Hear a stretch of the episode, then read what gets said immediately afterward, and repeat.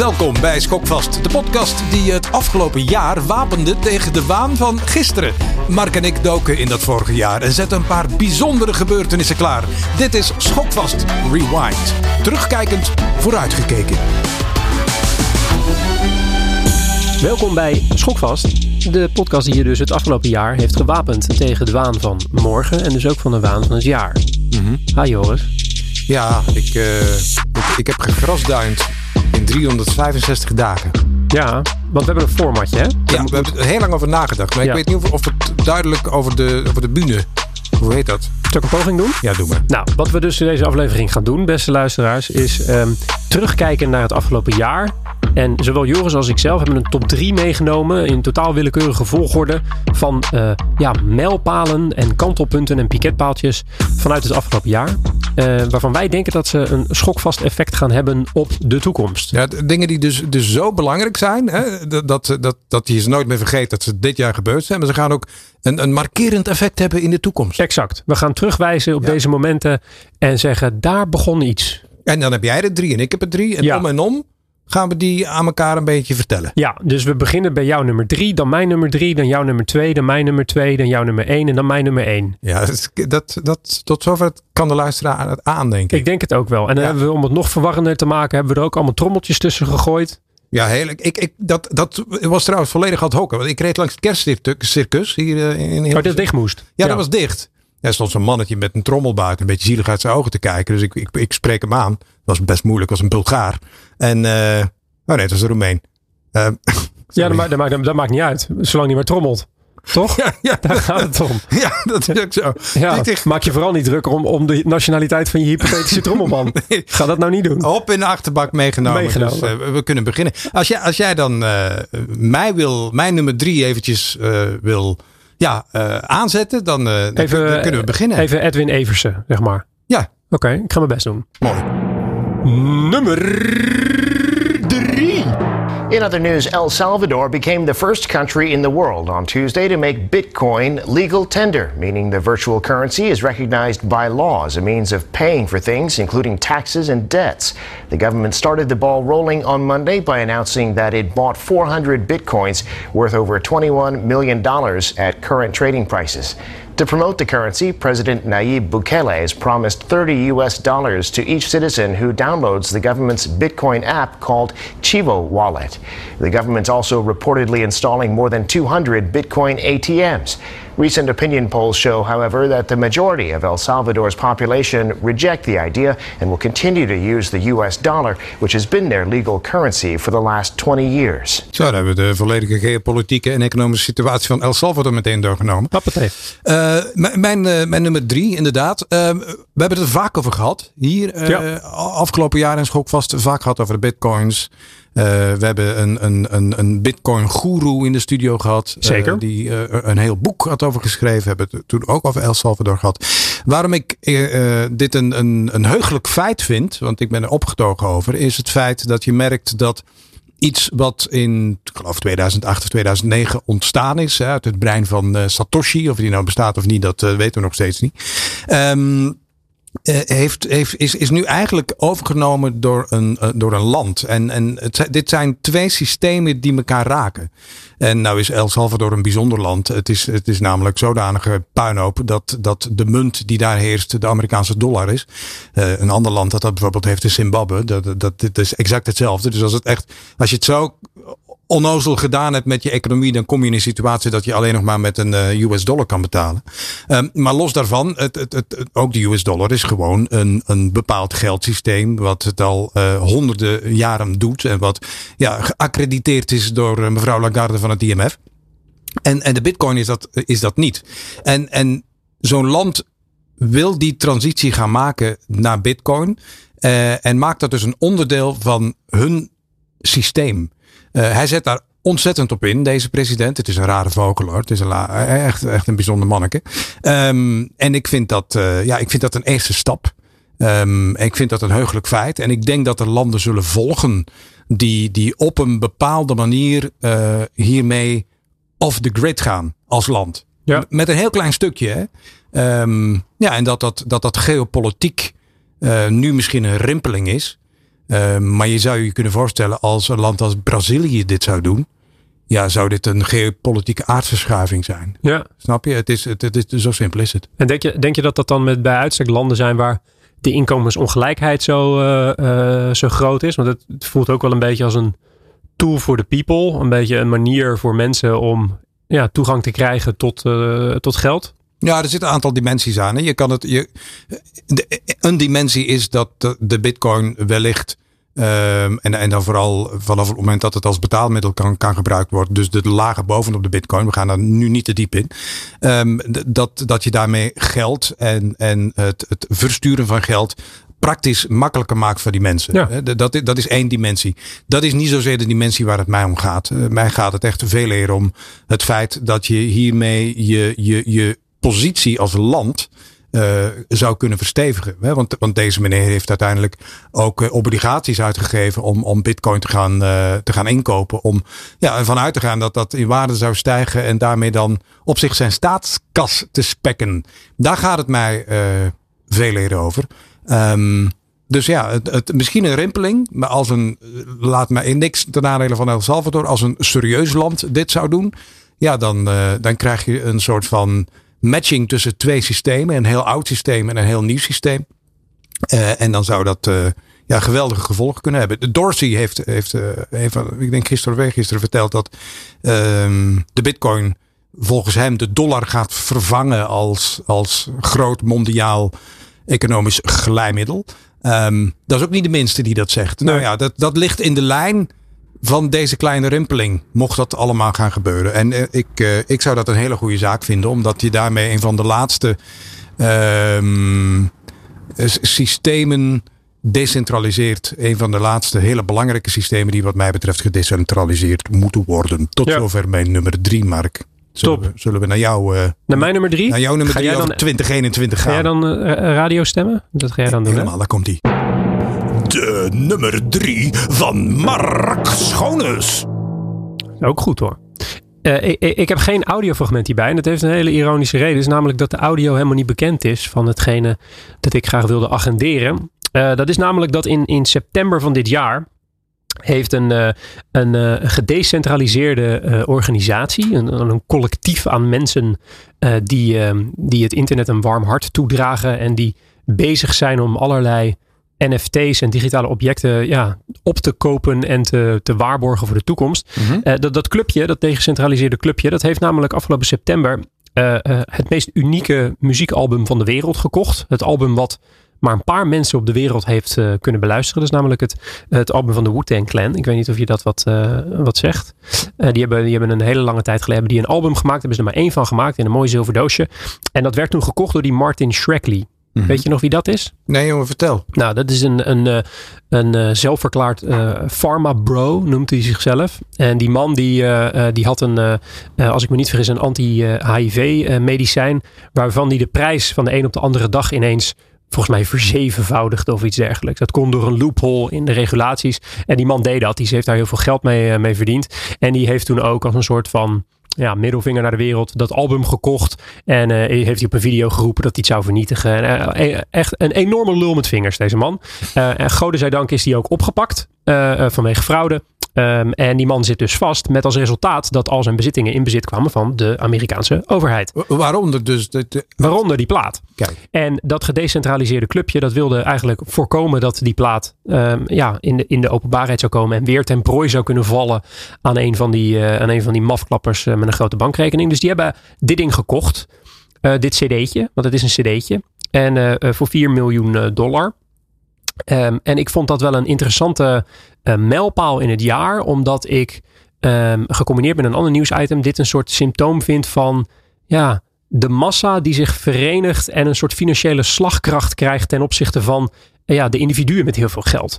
En helemaal in het begin van het jaar heb je ook een soort gelijk incident gehad rondom GameStop. Ken je dat? Weet je nog waar dat over ging? Dat ging over die, die gamewinkel. Eigenlijk een beetje een stoffige ding. Die hadden fysieke winkels, die verkochten computerspelletjes. Hadden enorm te lijden onder ja, gewoon uh, uh, digitale verkoop vanzelfsprekend. En die werden onder andere door een activistische investeerder, maar ook door een hele club aan uh, kleine beleggers, werd hun aandeel opgekocht, waardoor de stockprijs heel erg steeg. En later er nou net een aantal gewiekste uh, Wall Street jongens waren.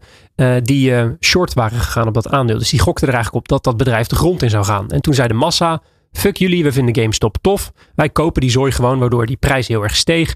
Al die mensen die van Wall Street die short wilden gaan op dat aandeel, die moesten allemaal hun positie liquideren.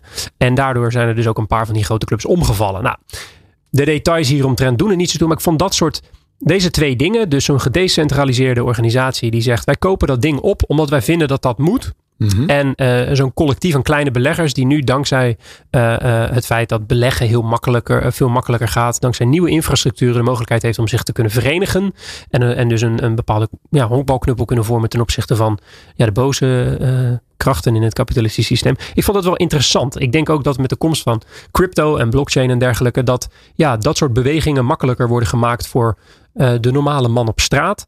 En uh, wellicht dat dit uh, langzaamaan ja, richting nou, equality of opportunity, daar zullen we nooit helemaal komen, want dat is natuurlijk een beetje een idealistische visie. Alleen het zorgt wel voor een klein beetje een meer een even playing field. Dus ik denk dat dit wel twee symptomen zijn van een wellicht uh, startende beweging. En het, het, het, gaat jou dan echt om het massale en om het decentrale. Exact. Het, het, het feit dat er niet e-, e-, enkele mensen zijn die, die, die, die, aan de touwtjes trekken. Want, want jouw voorbeeld van dat winkeltje. Uh, sorry, jouw GameStop. Ja. Um, dat is natuurlijk een, een, een, een massaal groepje, of een, mensen, een groepje mensen wat massaal genoeg is om het systeem te gebruiken tegen het systeem. Exact. En dat is natuurlijk uh, ja, super tof. En dus ook, en dus ook uh, ze vormen daarmee een soort, daar heb je hem weer, de handrem. Ja. Uh, op, op de excessen in het systeem. En dat, dat heb je natuurlijk hele lange tijd heb je dat niet gehad. Daar kon je uh, ja, heel lang gewoon een lul zijn. En, en met het geld wat je verdiende met een lul zijn, kon je meer geld maken. En er was eigenlijk niemand die je tegenhield. Totdat je op zo'n eenzame hoogte was gestegen dat je helemaal uh, niet meer te stoppen was. En nu heb je dus langzamerhand nou, dit soort manieren voor de massa om te zeggen: ho, stop, dit gaan we niet doen. Kapitalisme is dood, lang leeft het kapitalisme. Want Zo. uiteindelijk is, is, het is, stroomt daarmee het kapitaal naar een ander niveau. En een meer, uh, je, je, van, vanuit het perspectief van degene die nu het kapitaal heeft, is een totale verwatering. Klopt. Uh, vanuit het perspectief van degene die het kapitaal nu niet heeft, is het gewoon een veel eerlijkere verdeling. Ja. Is dat zo? Uh? Idealiter wel, maar de, de net ook door jou aangehaalde Jack Dorsey. Uh, die zei uh, ook van de week op Twitter dat een hoop van deze initiatieven stiekem toch wel in handen zijn van venture capitalists en mensen met alsnog heel veel geld. Correct. En de mensen die in die DAO zitten, die DAO zitten, die die Wu-Tang plaat hebben gekocht, dat zijn ook niet de mensen die op een zolderkamer uh, met een nekbaard uh, uh, zitten te klikken voor een paar euro's. Dat ja. zijn mensen met geld, weet je wel. En dus ik denk...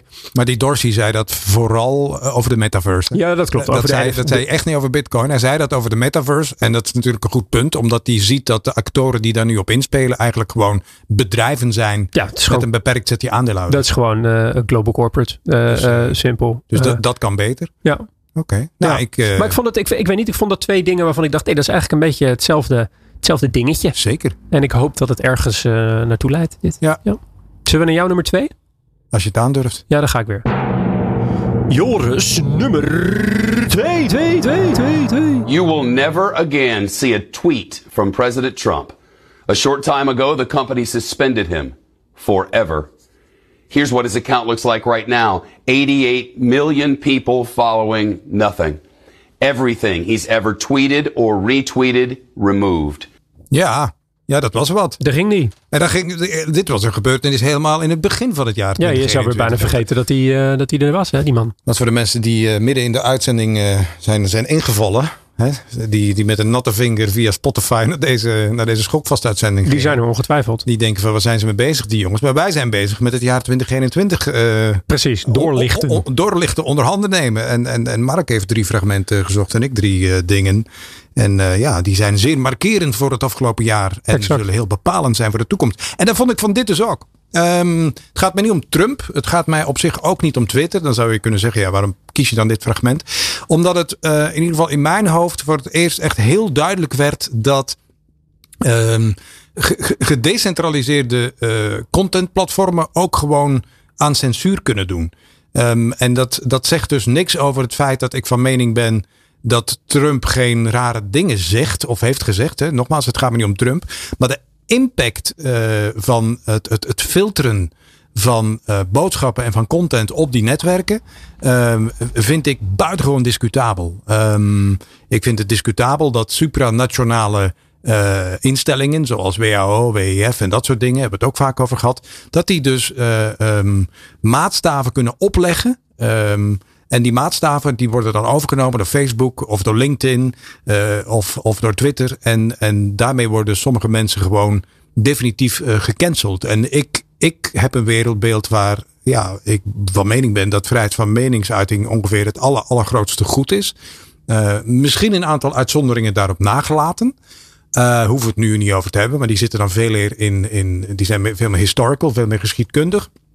Um, maar als je ziet hoe dat, hoe dat dan nu gaat en hoe ook uh, in Nederland bepaalde mensen gewoon van LinkedIn zijn geflikkerd, um, intellectuelen ook, uh, ja, dan vind ik dat uh, buitengewoon verontrustend. En het feit dat, dat, dat Trump van Twitter werd geflikkerd. Dat zorgde meteen weer voor een polarisatie van mensen die dan zeiden van ja, dat is een hele goede zaak. Dat is een redding van de maatschappij. En daarmee ja, geef je eigenlijk vrij spel aan, aan elk platform wat dit doet met wie dan ook. En dan heb je mensen, en ik zit in de andere kant van het spectrum, die zegt nee, ik vind dat uh, verschrikkelijk. En ik vind dat je de maatschappij zodanig moet, moet, moet opvoeden en slim maken dat ze weerbaar zijn tegen uh, onnozele statements van onnozele mensen. Ja, en laten we vooral niet vergeten dat het. Uh, het is heel makkelijk om zo'n man eraf te gooien. Uh, maar het leidt natuurlijk ook een beetje af van het feit dat hun digitale product dit soort gedrag vergroot en versterkt. En, en daar wordt niet over gesproken. Uh, maar zij hebben hun product zo ingericht dat dit begint bij die man die wat roept. En dat wordt opgeblazen en aangezwengeld. En de effecten van wat die man zegt, wordt door hun product schadelijk. Want, want de bielen heb je overal. Ja. Als je in een kroeg staat, staat er ook altijd een, een, een, een gek te schreeuwen over van alles Zeker. en nog wat. Dus daar ga je niks aan doen. Ook niet door die mensen de kroeg uit te zetten. Want dan gaan ze gewoon buiten staan schreeuwen. Ja. Alleen als je uh, in die kroeg die man een megafoon geeft, moedwillig. En dan gaat lopen zeuren dat hij zo hard schreeuwt. En dat mensen naar hem gaan luisteren. Ja, dat, dat is een beetje het effect van je megafoon. Dan moet je wat aan die megafoon doen en niet zozeer aan die man. Ja. Want die man die gaat er altijd zijn. En, en even over het jaareinde heen gekeken. Ik denk dat, dat dit tijdsgevricht ook uh, brandstof gaat geven aan nieuwsoortige netwerken. Um, en daar waar er nu bubbels bestaan binnen netwerken, denk ik dat bepaalde netwerken ge gebubbelized gaan worden. Dat, dat, weet je, elke bubbel krijgt dan straks een netwerk. En dat is, vind ik dan ja, helemaal verschrikkelijk. Weet je wat, dan heb je altijd gelijk en dan word je alleen maar gevoed door je eigen gelijk. Dat, ja. is echt doodzonde. Nou, goed. Anyway. We gaan het zien. Ja. We gaan het zien. Hmm. Gaan we naar mijn nummer twee? Als jij dat wil. Dat wil ik. Nummer 2 van Mark Schoones. Dat was een hele zware stem. Uh, uh, ik, heb, uh, ik, heb, ik heb iets vets meegenomen. Denk ik wel wat. Een van de vetste. Nou, laat ik het zo zeggen. Een van de meest impactvolle nieuwsgebeurtenissen op mijn professionele visie, denk ik. Um, Nike, daar ken je. Nike. kocht Artifact. Uh, en Artifact is een bedrijf dat zich bezighoudt met het ontwikkelen van digitale collectibles, die dan weer gekoppeld zijn aan een NFT. Uh, denk aan sneakers, denk aan kleding, denk aan uh, poppetjes, avatars, noem het allemaal, uh, noem het allemaal maar op. En, en Nike heeft die gekocht. Mm-hmm. Nou, nou is dat op zich niet zo heel erg nieuwswaardig, want Adidas kocht, kocht ook al eerder, of sloot ook al eerder een samenwerking met, met een van die partijen. Maar wat ik wel, waarvan ik uh, waardoor ik eigenlijk dacht: wacht even, dit is, dit is belangrijk. Was het plaatje wat bij het persbericht zat uh, van, uh, van Nike. Daarin hadden ze namelijk de logo's van Jordan, Converse, Nike zelf en dat artefact naast elkaar gezet. Mm-hmm. En toen dacht ik: hey, dit is, dit is belangrijk. Want dit zegt namelijk iets over hoe Nike tegen deze acquisitie aankijkt. Dit is niet.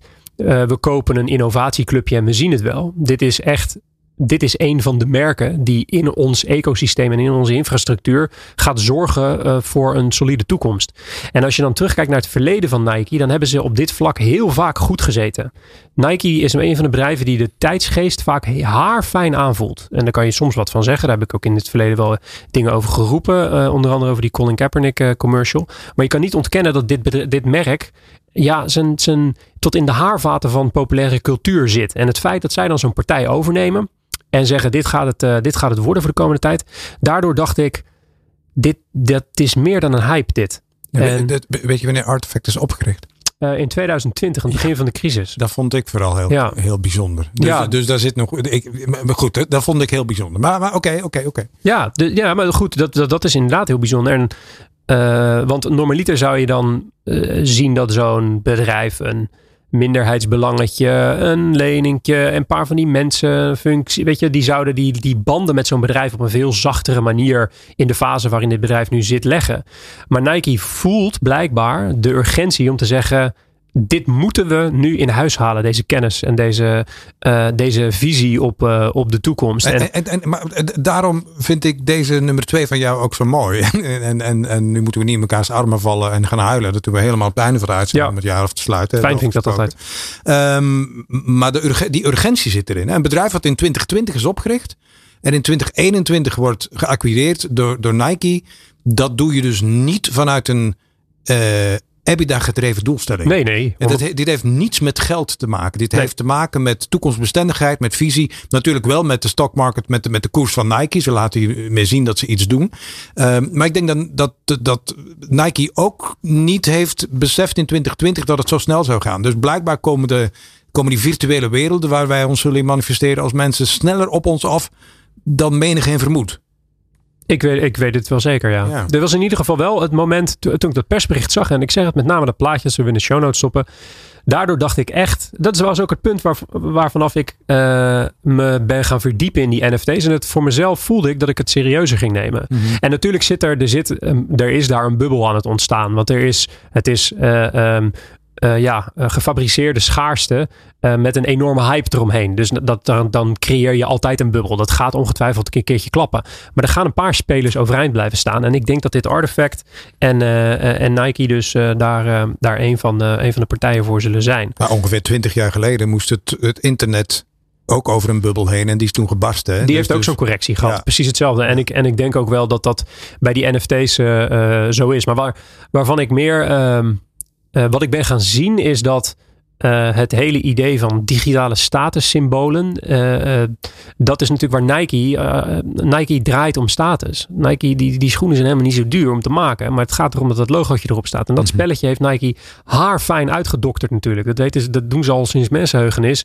En, en ze weten daar altijd weer een evolutie in te, te laten ontstaan. Denk aan het, Jordan-moment uit, de eh, uit de jaren negentig. Denk aan de eerste eh, samenwerkingen met grote atleten die zij toch wel hebben geïnitieerd. Zij weten elke keer een manier te vinden hoe ze, die, ja, hoe ze hun merk in, in, in de, ja, de sfeer van statussymbolen kunnen, kunnen be- bewegen. En ik denk dat dit een, eh, een volgende stap daarin is. Zullen we dan maar verder?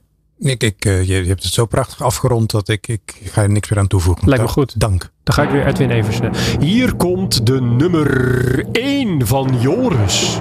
One ship at the center of a major marine traffic jam. Sudden, strong winds, even a dust storm likely pushed Evergreen's ship, the Ever Given, off its path.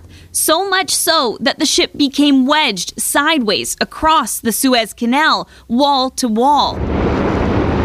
Tugboats and cranes are trying to free it, but the ship is massive and heavy. It holds 20,000 shipping containers.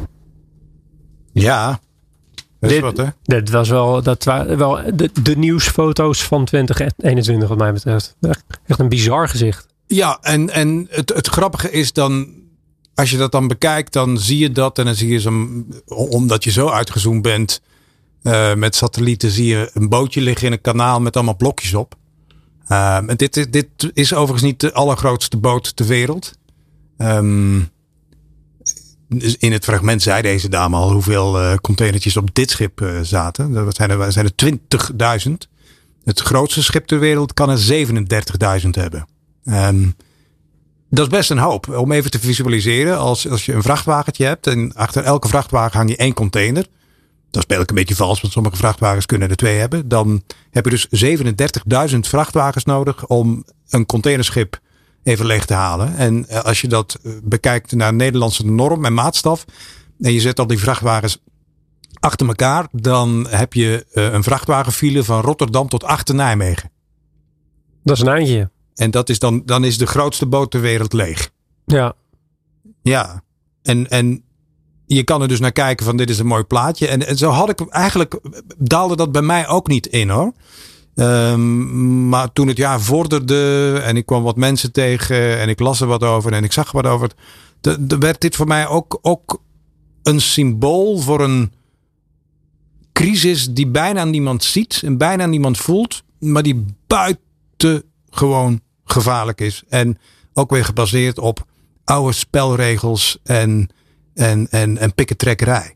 Die laatste ga ik zo, want ik zie je verbazend kijken. Ja, ik wil uitleg nu. Hè? Nou ja, het, het ding is, nou, je hebt een aantal grote uh, um, bedrijven in de wereld, een stuk of vijf, zes, heel veel consolidatie heeft plaatsgevonden die, die dit soort vrachtvervoer over zee doen.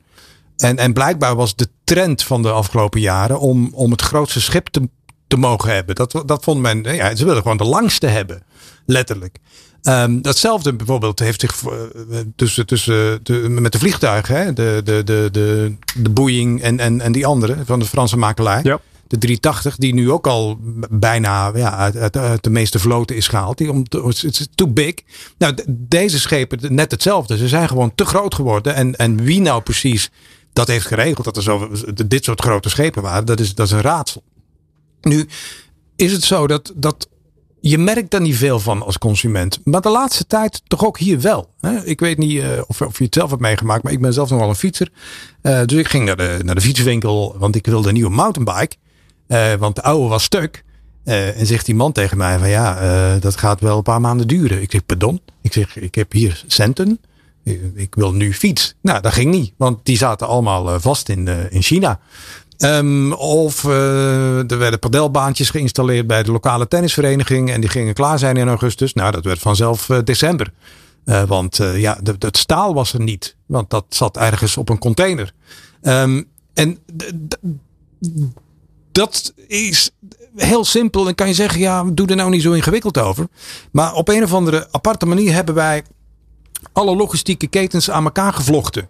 Voor sommige dingen worden daar gemaakt, moeten dan 7000 kilometer verder worden gevoerd om daar af te wijken, moeten dan terug en zo verder enzovoort. Um, en, en er wordt nog maar heel weinig lokaal gemaakt. Neem nou bijvoorbeeld de, de mondkapjes.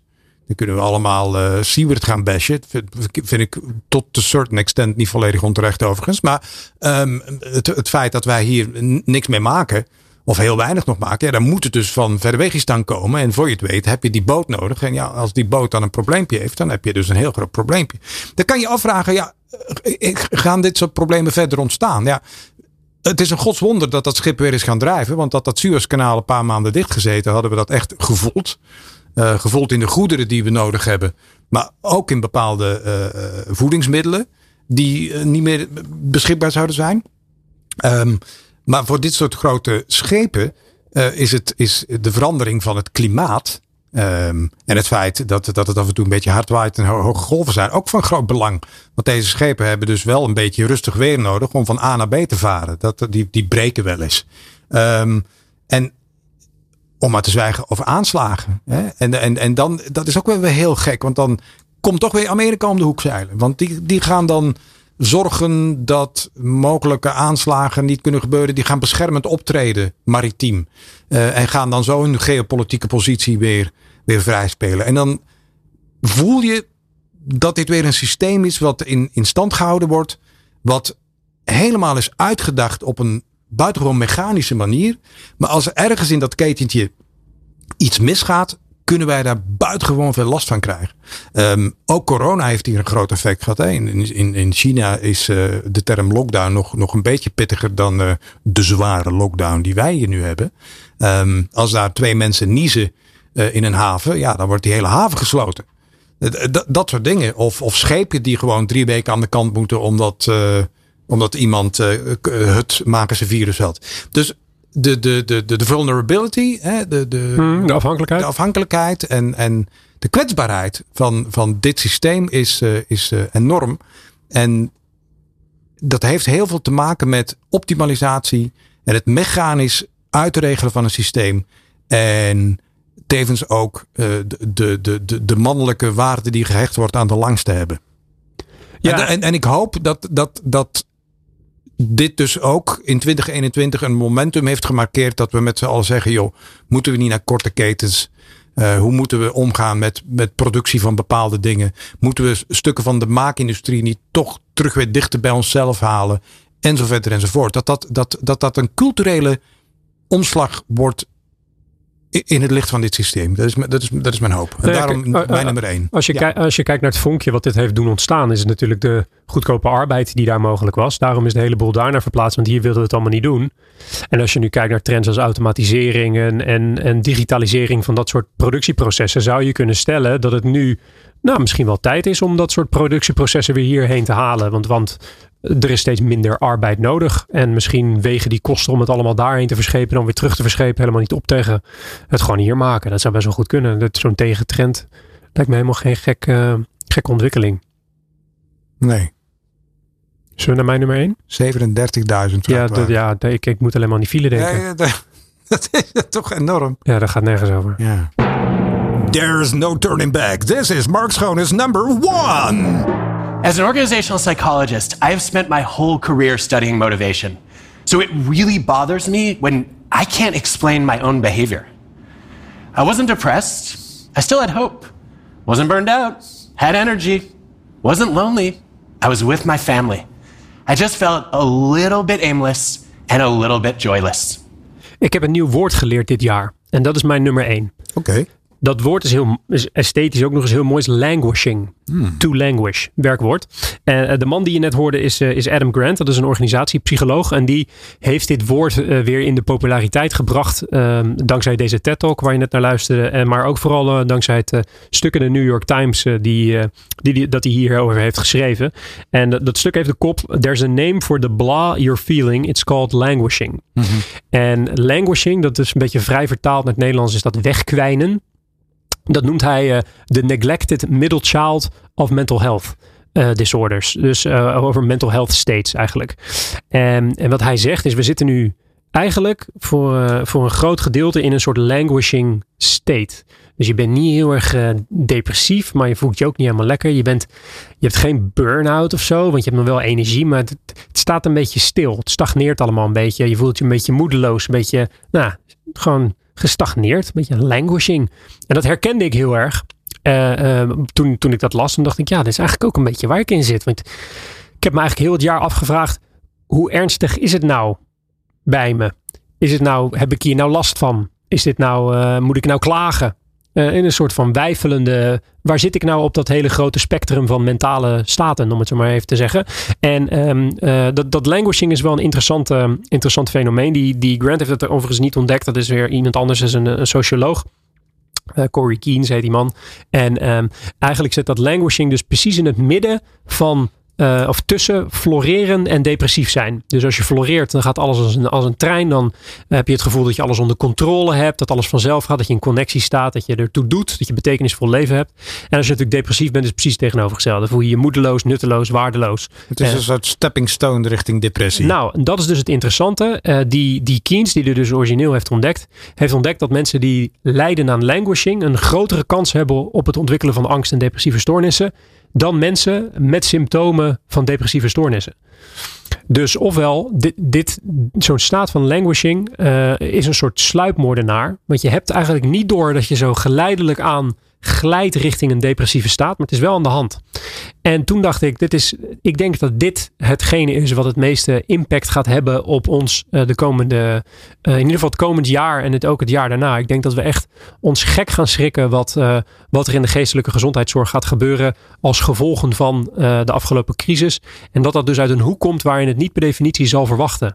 Dus als je nu naar de de mensen met een neiging naar depressieve uh, stoornissen gaat kijken, dan zal je daar waarschijnlijk niet zo heel veel verandering in zien. Maar die grote massa aan mensen die nu zitten weg te kwijnen voor die camera's uh, en die Zoom-meetings, uh, dat is, daar gaat een groot gedeelte van ehm, ja, de verkeerde kant op glijden. Ik had, ik had het jaar liever vrolijk afgesloten, maar ik, ik moet je toch complimenteren, want dit is een terechte nummer 1-1. Ja, en, en eh, laten we hem dan wel positief afsluiten. Want er zijn dus dingen, volgens die meneer Adam Grant, uh, die je hier aan kan doen. Ik bedoel, de grootste, het grootste gevaar van dat languishing is dus dat je het niet door hebt. Nou, bij deze heb je het dus wel door. Dat je daar kan, kan, ja, maar mag, maar mag ik het nog een heel klein beetje ontleden? Dat mag. ik wil jouw nummer 1 niet kapen hoor. Maar nee, dat mag. Want je hebt het over de komende jaren of jaren. Ik denk dat dit... Over één generatie nog steeds uh, zijn effecten zal hebben. Hè? Als jij nu gelanguaged bent, als dat dan klopt taalkundig, en je hebt een kind, dan heeft dat kind last van jouw languaging. En 100%. dat kind zal straks, als hij uh, 23 is, um, daar misschien uh, de, de, de, de rotte vruchten van, van plukken. Nou, kijk, we hebben het uh, in 2021 hier in Schokwas bij regelmaat gehad over de mental state en over burn-outs en over dat soort dingen. Mm -hmm. en, omdat, dat, ja, omdat dat ons bezighoudt. En ik denk ons beiden ook zorgen baart. Um, ik, ik, ik, mag ik een poging doen om, om te verklaren waar het vandaan komt? Misschien helpt dat ook uh, voor mensen die, die een beetje in die language, in die twilight zone zitten. Ja, dat is goed. Er zijn een aantal dingen die, die, die gebeuren. Hè. Het fenomeen tijd is een beetje weg. Een, een, zeg maar, pre-corona, dan ging je, was het weekend gemarkeerd door een keertje dronken worden. Je ging op vakantie, je, je deed van alle dingen. En daarmee had je piketpaaltjes in een jaar geslagen en, en werd dat jaar opgerekt omdat dat jaar bestond uit zeven delen bijvoorbeeld. En, en, en dan kwam je terug van je weekendje Barcelona en dan plande je al over tien weken een klein tripje naar dit of dat. En, en zo ging je van piketpaaltje naar piketpaaltje. En dat helpt uh, ontzettend. Een tweede element is, wat denk ik heel belangrijk is, Um, we leven van verhalen. Wij mensen leven van verhalen.